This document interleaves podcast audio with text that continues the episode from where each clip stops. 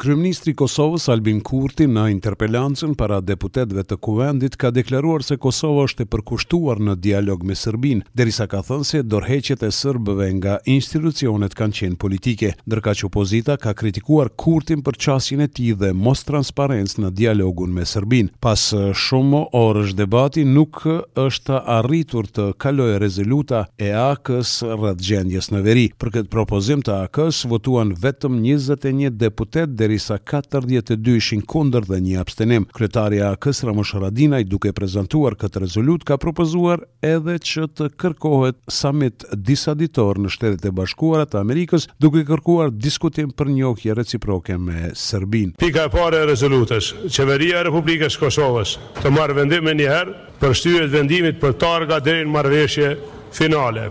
Pika dy e rezolutës, Institucionet e Kosovës, Presidenca, Kuvendi, Qeveria e Republikës së Kosovës, institucionet në gjitha nivelet të fillojnë dialogun intensiv me serbët e Kosovës,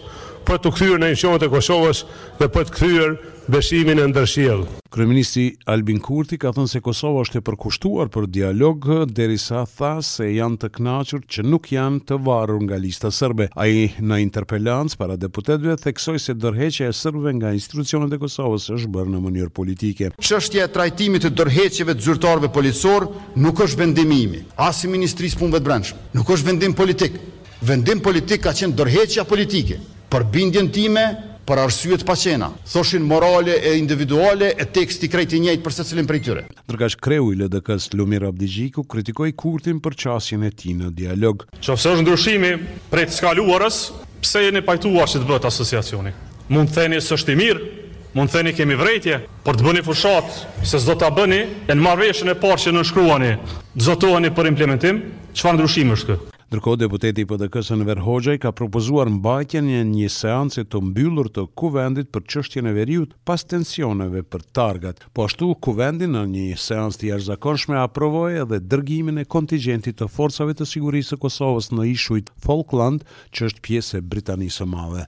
Kryeministri i vendit është përgjigjur sot para mediave për shumë çështje aktuale në vend. Sa i takon afatit për arritjen e një marrëveshje përfundimtare në mes Kosovës dhe Serbisë, kryeministri tha se nëse e duam normalizimin e plotë të marrëdhënieve Kosovë-Serbi nuk nevojiten vite për marrëveshje por fare pak muaj. Nëse e duam marrëveshjen me gjithë mend, nuk ka kurrfarë dyshimi që nuk nevojiten disa vite, por nevojiten disa muaj, mbase do të thosha edhe fare pak muaj, gjithsesi para pranverës së vitit. Sa i përket Asociacionit të Komunave me Shumicë Sërbe, ai tha se nuk ka përgjigje të re. duke shtuar se do të ketë konsideratë për të gjitha marrëveshjet e arritura në Bruksel dhe implementimin e tyre, por nuk mund të jetë ky kapitull i parë dhe nuk mund të jetë nga tridhjetë e tri marrëveshje vetëm njëra më e rëndësishme dhe më kryesorja dhe prioritarja. Të drejtat e pakicave duam dhe duhet t'i respektojmë, por po e ritheksoj, ata të cilët duan diçka ndryshe prej asaj që ka para pa Kushtetuta e Kosovës, Do të duhej të tregojnë se si na qenka gabim Kushtetuta. Sa i përket vendimit të Gjykatës për pezullimin e vendimit të Qeverisë për uljen e pagave për gjyqtarët dhe prokurorët, Kurti theksoi se nuk merret me vendimet e gjyqësorit, por i duhet të konstatojë se kur vie puna për vetveten, gjyqësori del të jetë shumë efikas dhe i shpejtë, për dallim prej lëndëve të panumërta të pazgjidhura.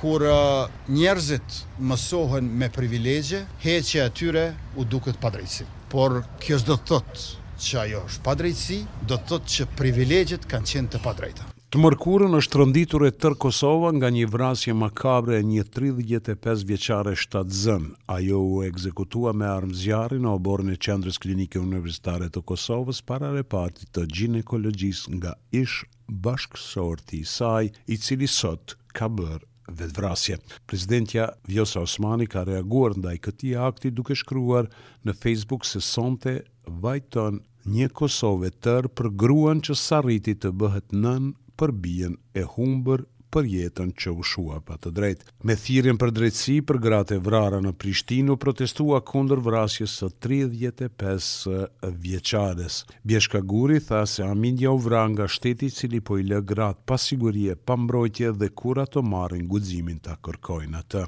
Edhe një burrë e vrau një grua, shtatzënë në oborrin e QKUK-së. Sokol Haliti ia mori jetën Hamide Magashit dhe bashkë me të edhe fëmijës së saj të palindur. E kjo vrasje makabre, e dyta me radhë për më pak se një javë, nuk u bë veç nga dora e vrasësit. Hamidja u vra nga Sokoli dhe nga shteti, i cili po i lë gratë pa siguri, pa mbrojtje, Pas vrasjes ka reaguar edhe ministrja e Drejtësisë, Albulena Haxhiu. Ajo ka thënë se deri te akti i shëmtuar, ka ardhur edhe si pasojë e papërgjegjësisë institucionale, ndërsa paralajmëroi shkarkime e përgjegjësi penale. Komisioni Qendror i Zgjedhjeve ka njoftuar se është përmbyllur afati për aplikim për certifikim të subjekteve politike dhe kandidatëve që duan të marrin pjesë në zgjedhjet e parakohshme për Kuvendin Komunal të Zveçanit dhe Leposaviqit, të cilat do të mbahen më njëzet e pesë dhjetor dy mijë e njëzet e dy. Nga njëzet e gjashtë nëntori deri më sot, siç njofton KQZ, janë pranuar dy aplikime për certifikim për pjesëmarrje në zgjedhje për Komunën e Zveçanit dhe tri për Komunën e Leposaviqit. Për Radion SBS Mendu Hysa, Prishtinë.